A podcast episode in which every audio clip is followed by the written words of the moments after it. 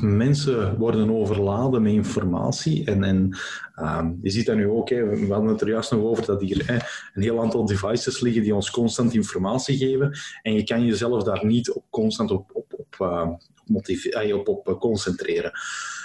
En dat is bij werknemers denk ik niet anders. Mensen die uh, bezig zijn job, zijn daar om een job gedaan te krijgen. En ik geloof heel sterk dat iedereen het beste van zichzelf geeft en dat iedereen naar, naar het werk komt om zijn werk goed te doen.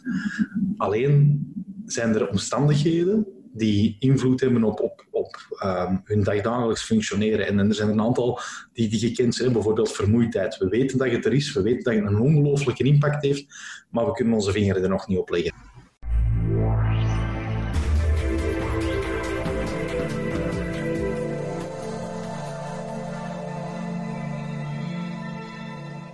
Beste luisteraars van Safety Monkey Podcast. Deze aflevering is eens even iets anders dan jullie gewend zijn. Hier Lips van Toolings. De chief van Safety Monkey Podcast, Timothy van Goeten, is gehijacked. En ik kan jullie nu wel vertellen dat dat niet meeviel om het voor elkaar te krijgen. Maar door zorgvuldig onderzoek en het toepassen van de juiste tactiek is het mij toch gelukt om Timothy zover te krijgen. Timothy heb ik leren kennen via LinkedIn. En zo nu en dan sturen wij elkaar een bericht. En zo ben ik ook in contact gekomen met zijn Safety Monkey podcast. Wat een basis is toch ook, hè, die Timothy. Timothy is kritisch, scherp en heeft een andere kijk op veiligheid. En dat is wat mij fascineert. Ik heb bewondering voor deze gast. De wijze hoe hij veiligheid aanvliegt op een andere manier spreekt mij zeker aan. En soms vraag ik mij tijdens het luisteren van zijn podcast oprecht af: Timothy, waarom ben jij in hemelsnaam preventieadviseur geworden? Een vraag die ik hem ook stel in deze podcast. Ik vond dat het eens tijd werd om de rollen om te draaien en deed hem een tijd geleden een exorbitant voorstel. Timothy, zei ik, ik wil voor één keer jouw podcast overnemen, omdat ik vind dat jij jouw zienswijze ook mag delen met de luisteraars in een podcast. Ik ga jou interviewen. Toen bleef het eventjes stil, want Timothy geeft niet graag de controle uit handen. Kom ik later achter.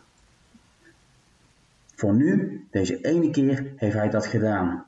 En ik dacht, dat is een appeltje en eitje. No way, het is niet zo simpel als ik had gedacht. Ik heb er bewondering voor hoe hij elke keer weer de Safety Monkey podcast weet neer te zetten. Wat een geweldige kerel met een groot veiligheidshart. Wanneer het weer mogelijk is om elkaar in real life te ontmoeten, gaan we dat zeker doen. En ik kijk er nu al naar uit. Deze podcast gaat onder andere over waarom Safety Monkey podcast en waar komt Safety Monkey vandaan. Het gaat over command en control, bedenkingen over de traditionele veiligheid, maar ook over onbewust en bewust handelen en lineair denken. Timothy van Goeten, Chief Safety Monkey op de Safety Monkey podcast.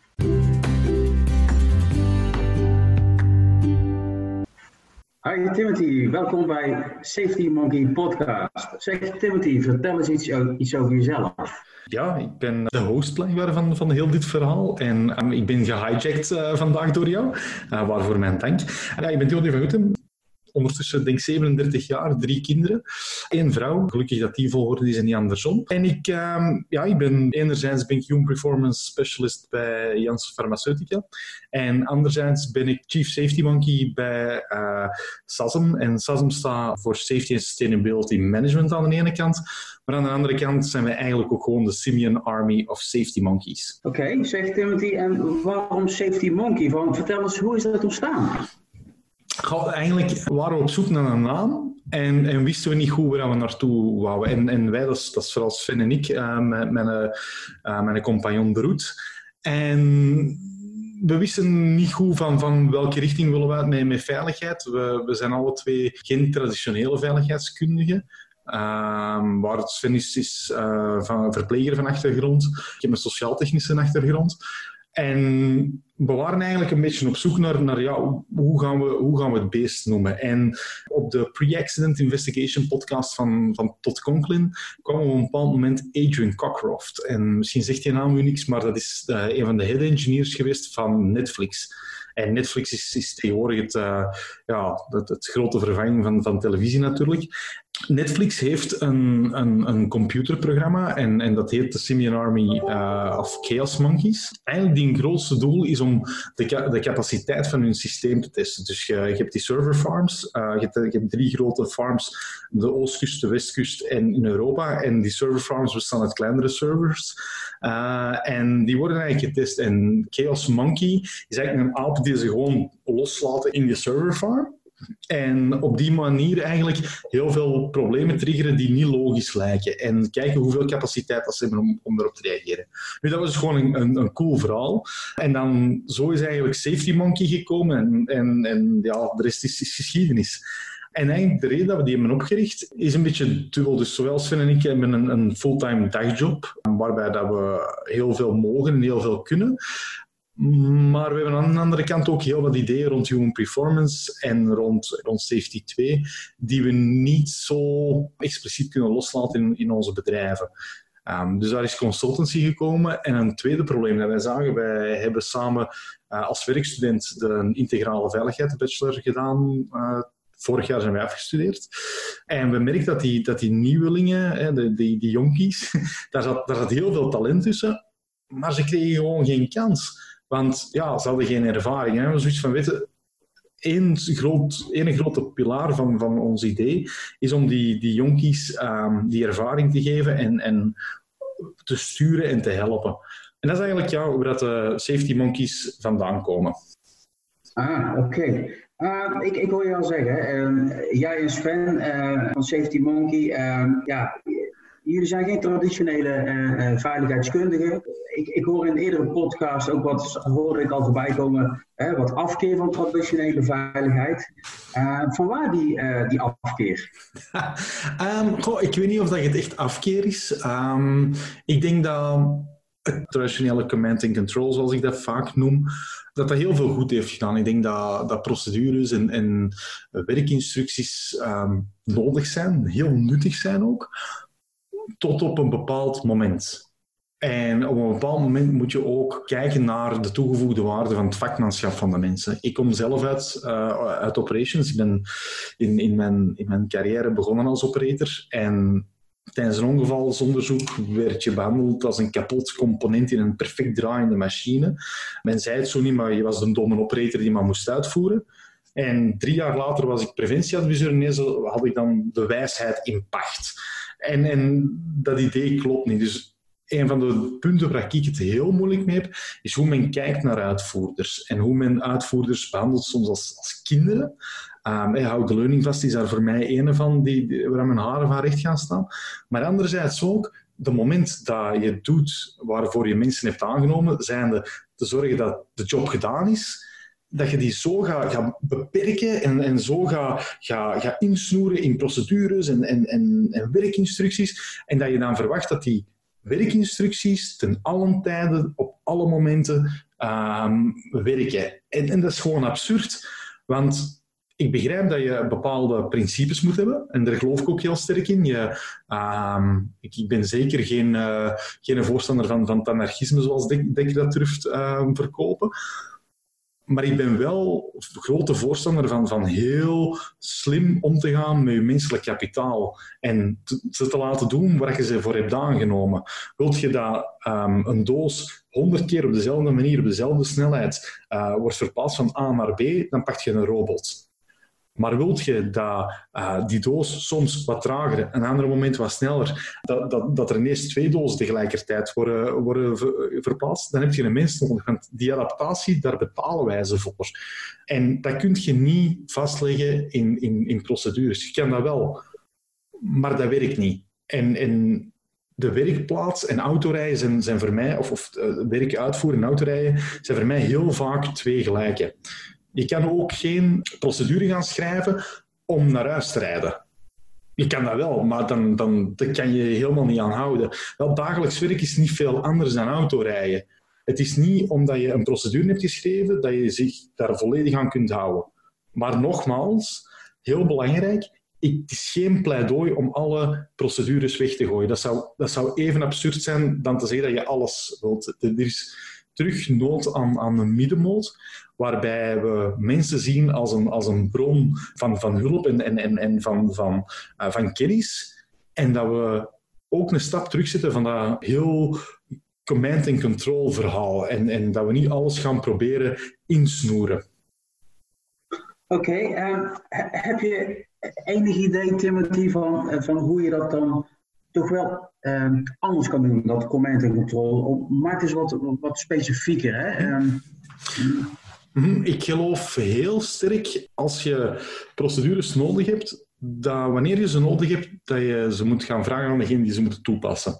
Um, zijn de operators die bezig zijn met een bepaalde, um, bepaalde handeling, vragen of dat, dat noodzakelijk is, of dat een toegevoegde waarde is. Zij gaan dat veel beter zeggen dan jij. Zij zijn degene die het werk doen, zij weten de nuances, zij kennen die nuances. En dan is de volgende stap, laat hen die schrijven. En dat is een heel andere manier dan vanuit een, een traditioneel verhaal dat te doen. Je moet ze niet loslaten, hè? maar je moet ze wel helpen. Ik, uh, ik vind ook dat preventieadviseurs en veiligheidskundigen vooral coaches moeten zijn die, die mensen helpen. En wij, wij zijn heel goed in het veiligheidsgebeuren en daar hebben we heel diepe kennis over. Maar voor een operator maakt die handeling niet uit, want voor hem is die en productief, en kwalitatief, en veilig, en gezond. En al die tegengestelde belangen hebben zij in de handen. En dan kan je die ook, dan moet je die ook aan het stuur zetten om, om die procedures en die, die richtlijnen om te zetten. Dat is enerzijds. Anderzijds denk ik ook dat je gewoon heel kritisch moet durven zijn en naar je systeem kijken en zeggen van, je hebt hier nu 300 procedures. Hoeveel daarvan zijn nu werkelijk nodig om je bedrijf te runnen? En dan is er nog een studie die je in het achterhoofd moet houden. En dat gaat over een, een studie in, in Amerika uh, bij verpleegkundigen. Die hebben 600, 600 hè, procedures en um, richtlijnen die ze moeten volgen op hun dagdagelijkse job. En ze kennen er vier van. Dan moet je jezelf gaan afvragen, die 596 anderen, zijn die dan zo nuttig? Of kunnen we beter zorgen dat mensen hetgeen dat ze kunnen en moeten onthouden, dat ze daar de focus op leggen, in plaats van het systeem constant te willen bevredigen met meer papier en meer checklisten? Ja. Want dat is niet de realiteit van vandaag. Ja, precies. Hè? Ja, want uh, ja, anders krijg je ook hè, regel op regel. Uh, en procedures worden steeds uh, uitgebreider, werkinstructies worden steeds groter, er komen er steeds meer bij. Hè? Ehm, en uiteindelijk ehm, wat ik je dan wil zeggen is, als we nu eens gaan kijken naar werkinstructies, procedures die echt nodig zijn, en dat je dan kijkt naar, zoals ik het dan beluister, uh, een soort van hè, de kardinale regels die je dan hebt. Uh, regels die er echt toe doen om veilig te kunnen werken.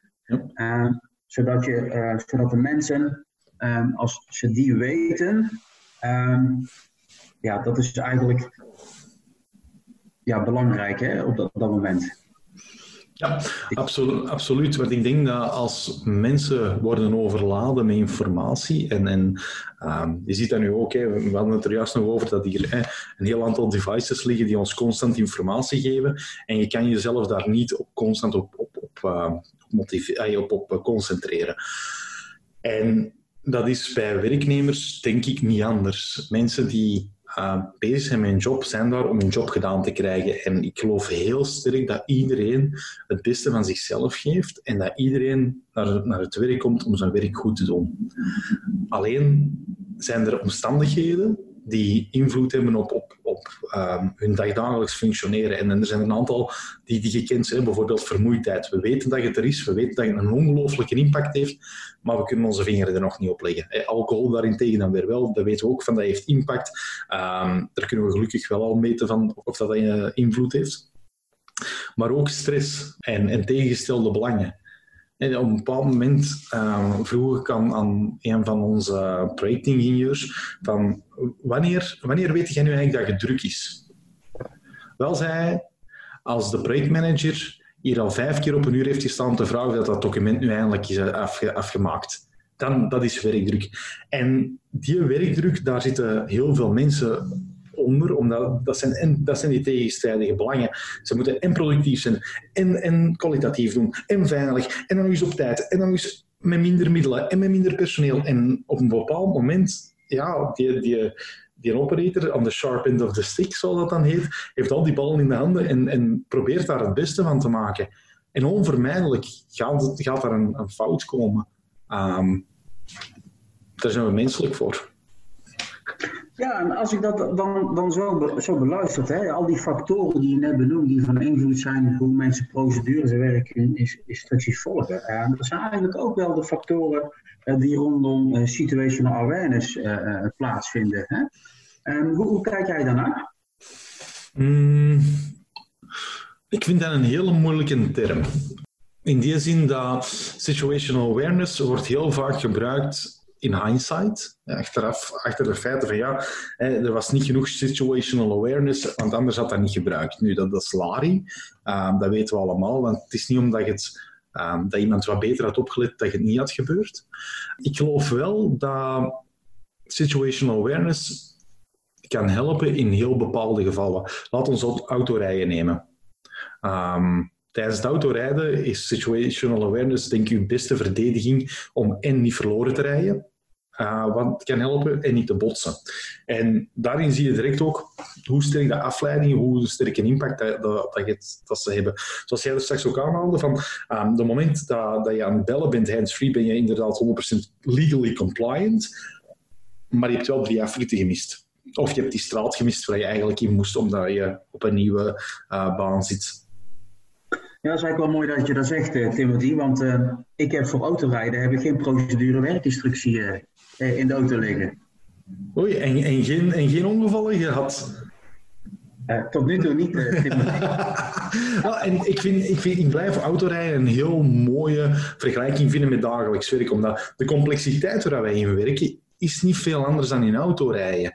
Um, de, de dag is niet meer um, vandaag starten we aan de band en, en we stoppen daarachter. Nee, mensen zijn met zoveel dingen tegelijkertijd bezig op zoveel verschillende plaatsen. Er is, komen, zoveel factoren van, van, van de omgeving op dat men het heel moeilijk heeft om, om constant die situational awareness te hebben. Dat kan ook niet volgens mij.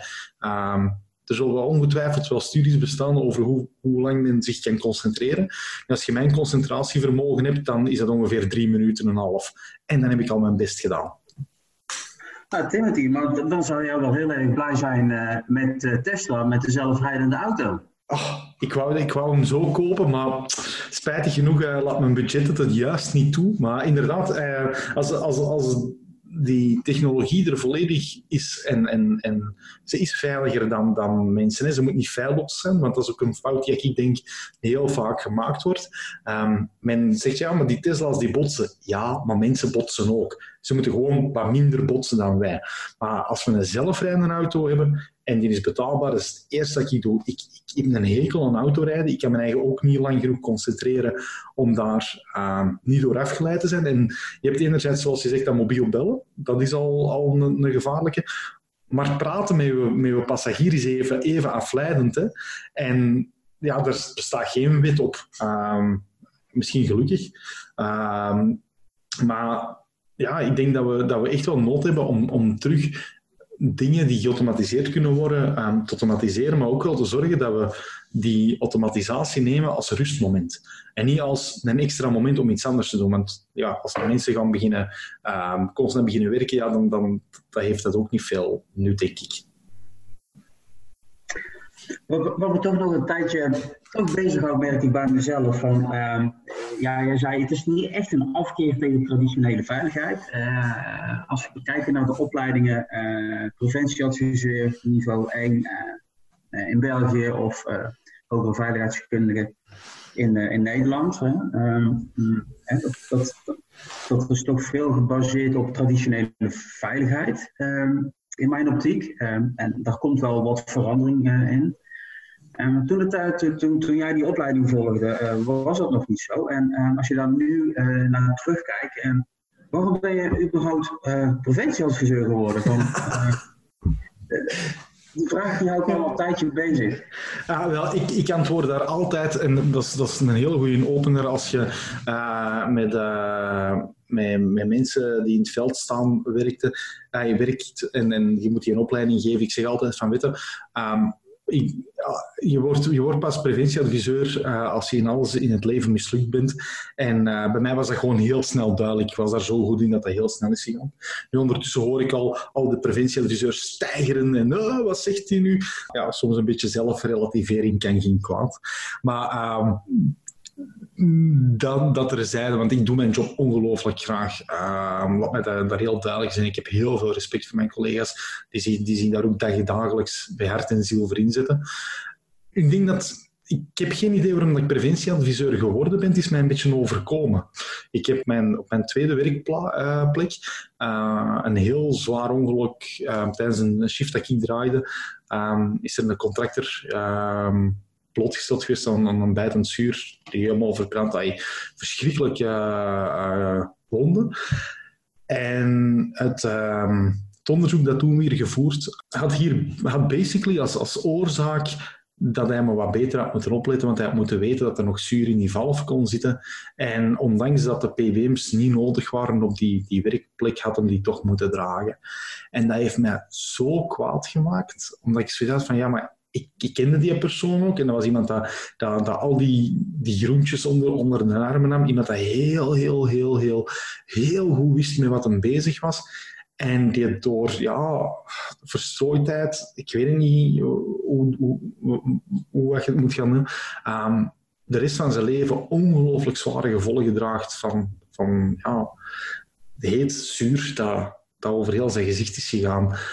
En dat heeft mij toen getriggerd van ik wil, dit, dit kan toch de bedoeling niet zijn. Dit, dit kan toch niet um, zijn waar we, waar we naartoe willen als, als mensheid. En ik had dan ik, ben dan, uh, ik zat in shift en ik, was eigenlijk, ik, had, ik had heel veel um, last van, van de shift zelf, uh, van het, het, roteren van, van vroege late nacht.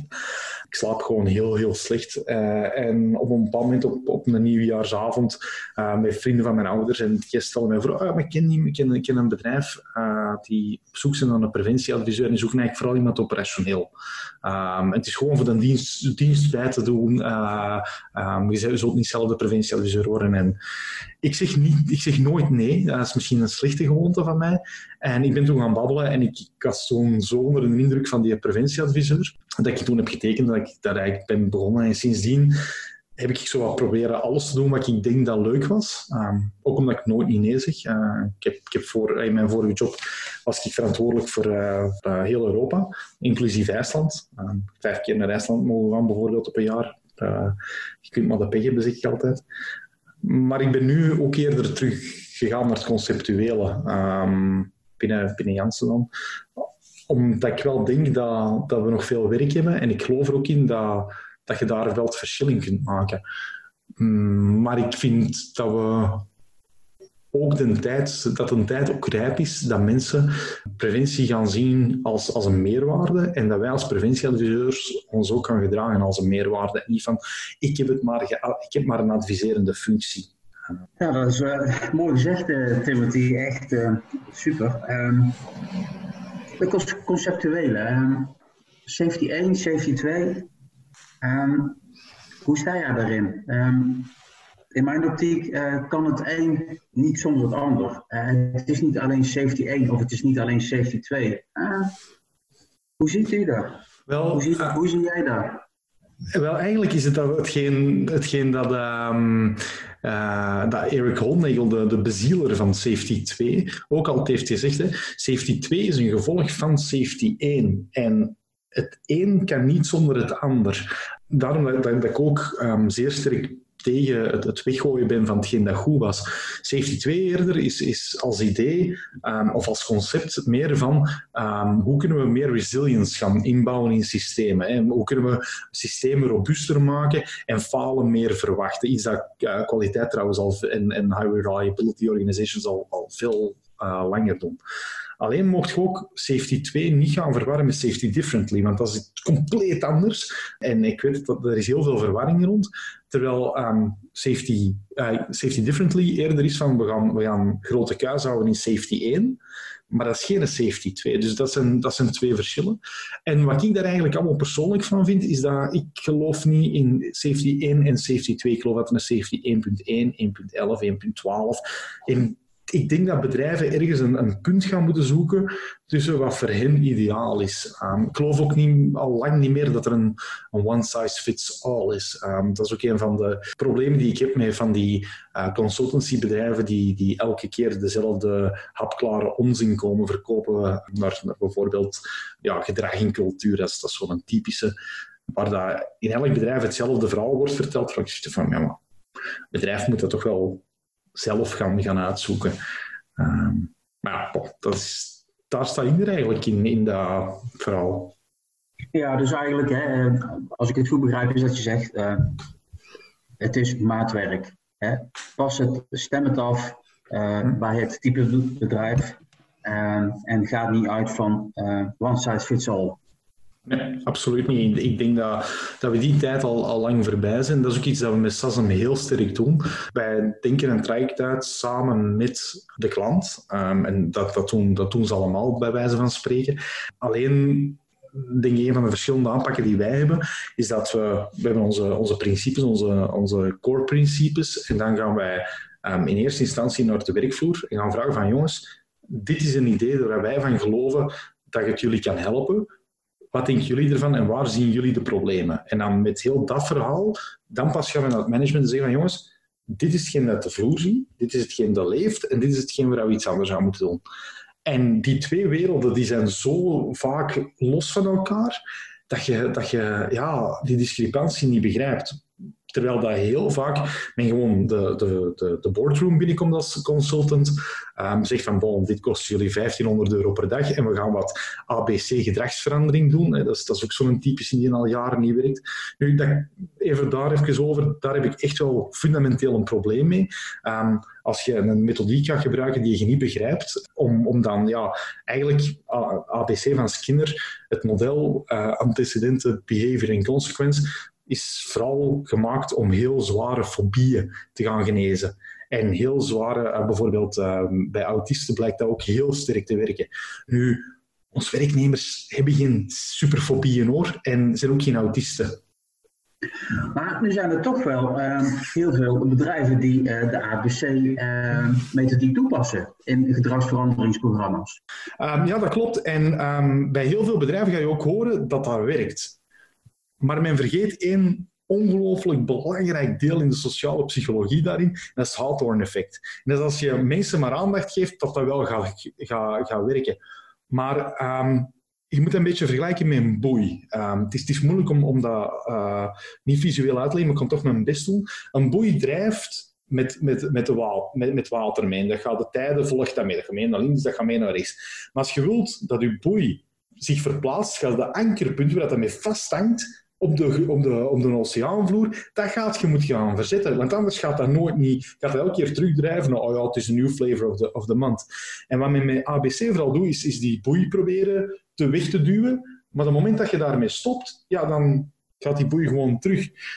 Je moet de dingen in, in, in, in, in het fundament van, van, um, van hun geloof en, en, en van hun overtuigingen, daar moet je in gaan werken. Ik denk dat we daar um, de laatste um, ja, 20, 30 jaar helemaal de bal hebben misgeslagen. Um, ik hoor zelfs nog altijd dat er bedrijven zijn die, die prediken dat 95% van ons gedrag onbewust is. Nu, dat, dat, dat, is compleet een onzin. Dat is al zo vaak uh, weerlegd geweest. En het grappige is, dat komt eigenlijk van een marketeer, die uitspraak. Er is, er is weinig of niks body of evidence dat, dat die stelling gaat, onder, um, gaat onderbouwen. Sterker nog, het is net andersom. Er is heel veel body of evidence dat het niet werkt. Maar dat soort boetales wordt wel in bedrijven gebruikt. Nou, Timothy, uh, 95% uh, komt voort uit uh, onbewust handelen van mensen, maar dat is niet juist. Kan je eens vertellen hoe het dan wel zit? Wel, ik kan, ik kan je alleen zeggen wat ik denk dat, dat veel correcter is. Ik, ik geloof niet dat ik daar de waarheid in pacht in heb. Ik heb daar ook niet lang genoeg voor gestudeerd um, om, om daar echt de, de uitspraak te doen.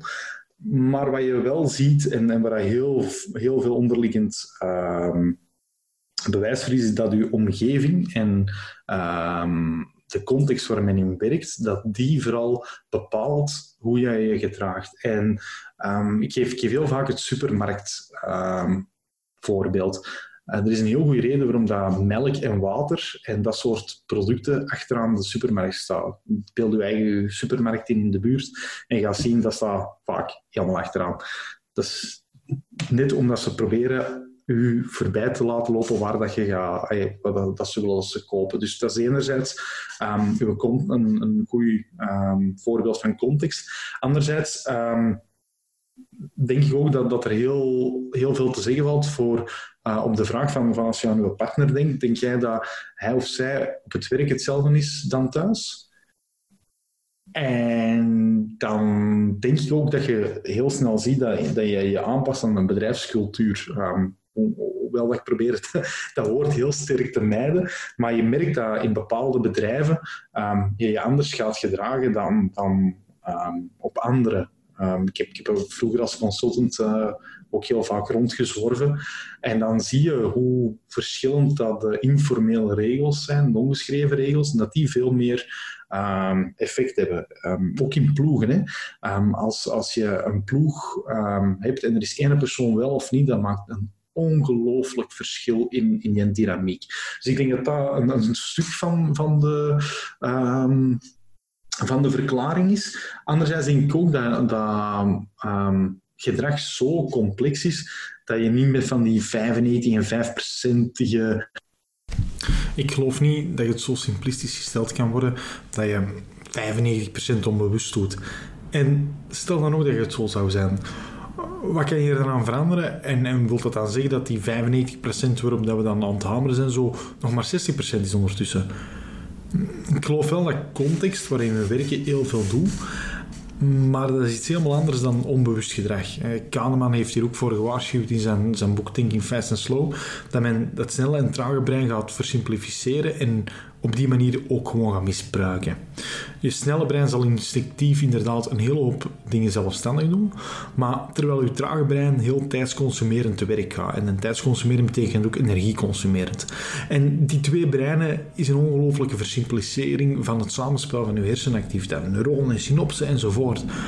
Maar het is al zeker veel verklarender dan 95% onbewust gedrag. En ook als je naar die 95% kijkt, wil je je mensen dan bewuster gaan maken en daarop gaan werken. En merknemers zijn dan het probleem, terwijl dat het veel verstandiger is om, te, om in te gaan werken op de context en de onderstroom tussen die teams. Bedrijven kunnen door, door een ABC-methodiek, maar dan de autonomy, belongingness en competence inzetten om hun werknemers te ontplooien en, en tot betrokken werknemers um, te ontpoppen en een omgeving creëren waar dat ze zich psychosociaal veilig voelen om dingen te gaan melden en elkaar aan te spreken op een duurzame manier. Maar aan de andere kant denk ik ook niet dat het zo zwart-wit is. En dat, dat lineair verband tussen oorzaak-gevolg, zeker in gedrag, dat is toch iets waar ik een grondige afkeer van heb. Want als je het behaviorisme-model volgt, dan zou je hoe dan ook, hoe harder dat je straft of beloont, bepalen of dat mensen effectief de regels zouden volgen. Maar we zitten helemaal niet meer in die lineaire wereld. Want ja, je kunt je kunt het als volgt vergelijken. Vroeger waren er enkel simpele systemen, zoals een balpen, hè, onmiddellijk oorzaak en gevolg. En daarna zijn wij meer geëvolueerd naar, naar moeilijkere systemen, waarbij we met een druk op, op diezelfde knop ineens een jet engine kunnen starten. En, en dat is ook nog redelijk lineair met oorzaak en gevolg, maar dat is al veel moeilijker om de onderdelen van elkaar te scheiden en zo überhaupt te begrijpen. Maar plots komt dan daar de mens in, in het systeem met zijn adaptatie en zijn sensemaking op het ogenblik dat het gebeurt. En plots zijn de dingen niet meer moeilijk, maar worden ze heel complex. En die adaptatie in die sensemaking is ook de verklaring waarom dat ik bijvoorbeeld voor elke vliegnes um, dat ik die opneem en, en dat ik vooral kijk naar de beelden van de landing. Want, want zo'n landing is een ongelooflijk stresserend moment met heel veel informatie dat je moet verwerken tegelijkertijd, een aantal handelingen die je moet uitvoeren, constant je wijzers interpreteren om bepaalde trends op, tijd op te merken, zoals ga mijn snelheid niet te snel uh, omlaag of, of ga ik niet te snel naar beneden en dan heb je nog een zijwind die, die moet zorgen dat je opstuurt. Maar dat betekent dan ook weer dat je meer power moet gaan geven om over die threshold te gaan in de landingsbaan. Het is heel veel dat er op die moment gebeurt. Je hebt heel veel adaptatie en heel veel sensemaking op enkele minuten tijd. En je maakt daar ook ongelooflijk veel fouten op op die moment. En met werken is dat niet anders. Op een werf gebeurt er overal wel iets en constant. En je verwacht van die uitvoerders dat ze zich constant aan die situatie gaan aanpassen, voldoende inschatten wanneer ze moeten stoppen, wanneer ze moeten verder werken. Maar zo werkt de wereld niet meer. Op het moment dat je aan het werken bent en een bepaalde handeling uitvoert, ben je continu aan het reageren op de informatie die je op die moment beschikbaar hebt. En ga je ervan uit dat je de allerbeste beslissing hebt genomen op dat moment. En het is helemaal zo simplistisch niet als A en B. En zeker wanneer je achteraf de oplossing in de hand hebt.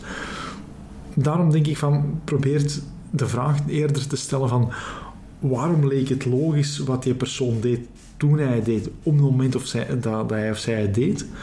Want er is volgens mij geen enkele werknemer die naar het werk gaat en zegt van en nu ga ik mijn eigen bezeren en die handeling gaan uitvoeren. Dat is compleet absurd. Ja, je ziet uh, ja, bij veel businesses uh, zie je dat lineaire denken ja, veelvoudig terugkomen. Ehm, dat is iets wat mij nog valt.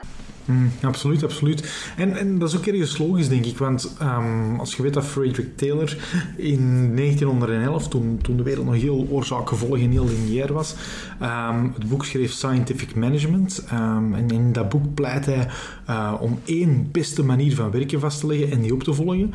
Wel, dat boek is nog altijd tot op vandaag het standaardwerk in managementopleidingen. En, en we houden dat soort gedachtegoed nog heel heel hard en heel graag in stand. En wat nog veel belangrijker is, het heeft gewerkt, het heeft heel goed gewerkt en daar kun je niet omheen. Men heeft in het verleden heel veel bereikt met dat lineair denken en met dat ABC-model van um, de behavioristen met straffen en belonen. Maar tegenwoordig is het toch veel genuanceerder. Mm, hoewel dat ik denk dat vroeger ook niet zo simpel was dan we het nu voorstellen, maar wat. Um, ik ga wel van een voorbeeld uit dat Dekker, uh, Sidney Dekker, uh, geeft uh, als het aankomt op straffen en belonen. Tijdens de Tweede Wereldoorlog was er juist straaldarsysteem uitgevonden en je had dan operators die moesten zorgen dat de squadrons op tijd de lucht in gingen de vijand onderscheppen wanneer ze dat bolken zagen op hun, op hun radar. En daar ging wel eens een en het ander fout. En er werd wel eens een, een vlieger gemist. En, en dat kwam dan door goh, misinterpretatie, want er was ook nog heel veel ruis.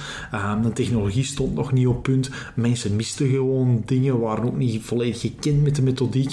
Er was dan superveel tijdsdruk. En, en de eerste keer werd er nog gezegd van, je moet toch een beetje beter opletten. Maar een tweede keer werd een operator gewoon opgehangen aan het radarstation. Pour encourager les autres. terwijl bedrijven daar natuurlijk nu tegenwoordig zo ver niet gaan. Ze ontslaan tegenwoordig toch net iets sneller dan ze mensen ophangen, gelukkig. Maar het kan wel tellen als consequentie. En het heeft ook niet echt gezorgd dat de mensen beter hun best doen. En, en we kunnen mensen blijven vragen om beter hun best te doen en, en om beter op te letten. Maar in de praktijk moeten we zorgen dat we systemen en context ontwikkelen die betere info geven. Niet meer, maar betere. Om, om, zodat ze betere beslissingen kunnen nemen op het moment dat ze die beslissing moeten nemen. En in plaats van medewerkers te overladen met, met informatie, pleiten wij ervoor om ze veel minder informatie te geven, veel gerichter en inhoudelijk veel waardevollere informatie te geven. En mensen gaan blijven fouten maken. Maar het is aan ons om de capaciteit te creëren waarin dat ze veilig kunnen falen.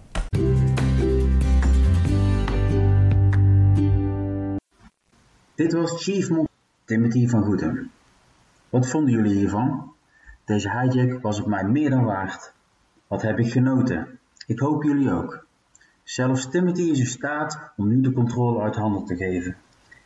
Ik kan jullie vertellen dat ik het zeker niet erg vind om de controle weer terug te geven aan Timothy. Ik geef het je te doen om podcast te maken. Super wat jij doet, Timothy. Het maken van een podcast is niet in een procedure of werkinstructie vast te leggen. Daar ben ik wel achter. Aangaande deze podcast ontstaat er een bepaalde dynamiek. En krijg je wel of krijg je geen last van zenuwen. De regels die je wel kunt hanteren zijn: sta open om te leren van elkaar. Respecteer de werkelijkheid van de ander. En dat is weer anders om lineair van punt A naar punt B te komen. In zijn podcast en ook in deze podcast hoor je Timothy het vaak hebben over safety differently. Sidney Dekker heeft er een boek over geschreven en u raadt het al, het boek heet Safety Differently. Een gedachtegoed waar Timothy zich goed in kan vinden. En hij raadt daarom ook iedereen aan om de boek eens te gaan lezen. Dat heeft hij ook bij mij gedaan. En ik moet zeggen dat ik er nu nieuwsgierig, ik moet zeggen dat ik er nieuwsgierig naar ben geworden. En dat het inmiddels op mijn lijstje nog te lezen boeken staat. Safety Differently gaat over het vertrouwen op de expertise, inzichten en waardigheid van het werk dat daadwerkelijk wordt gedaan om de veiligheid en efficiëntie te verbeteren. Het gaat over het stoppen of terugdringen van de steeds groter wordende bureaucratisering en naleving van het werk. Een onderwerp dat in deze podcast al een aantal keren de revue is gepasseerd. City Dekker is ook bekend van boeken zoals The Safety Anarchist, Foundations of Safety Sciences en Just Culture. Zoals Timothy altijd zegt, vertel het door aan jullie vrienden en collega's. Blijf nieuwsgierig en abonneer je op Safety Monkey Podcast. En oh ja, kom ook eens een keer langs voor een interview bij Safety Monkey Podcast.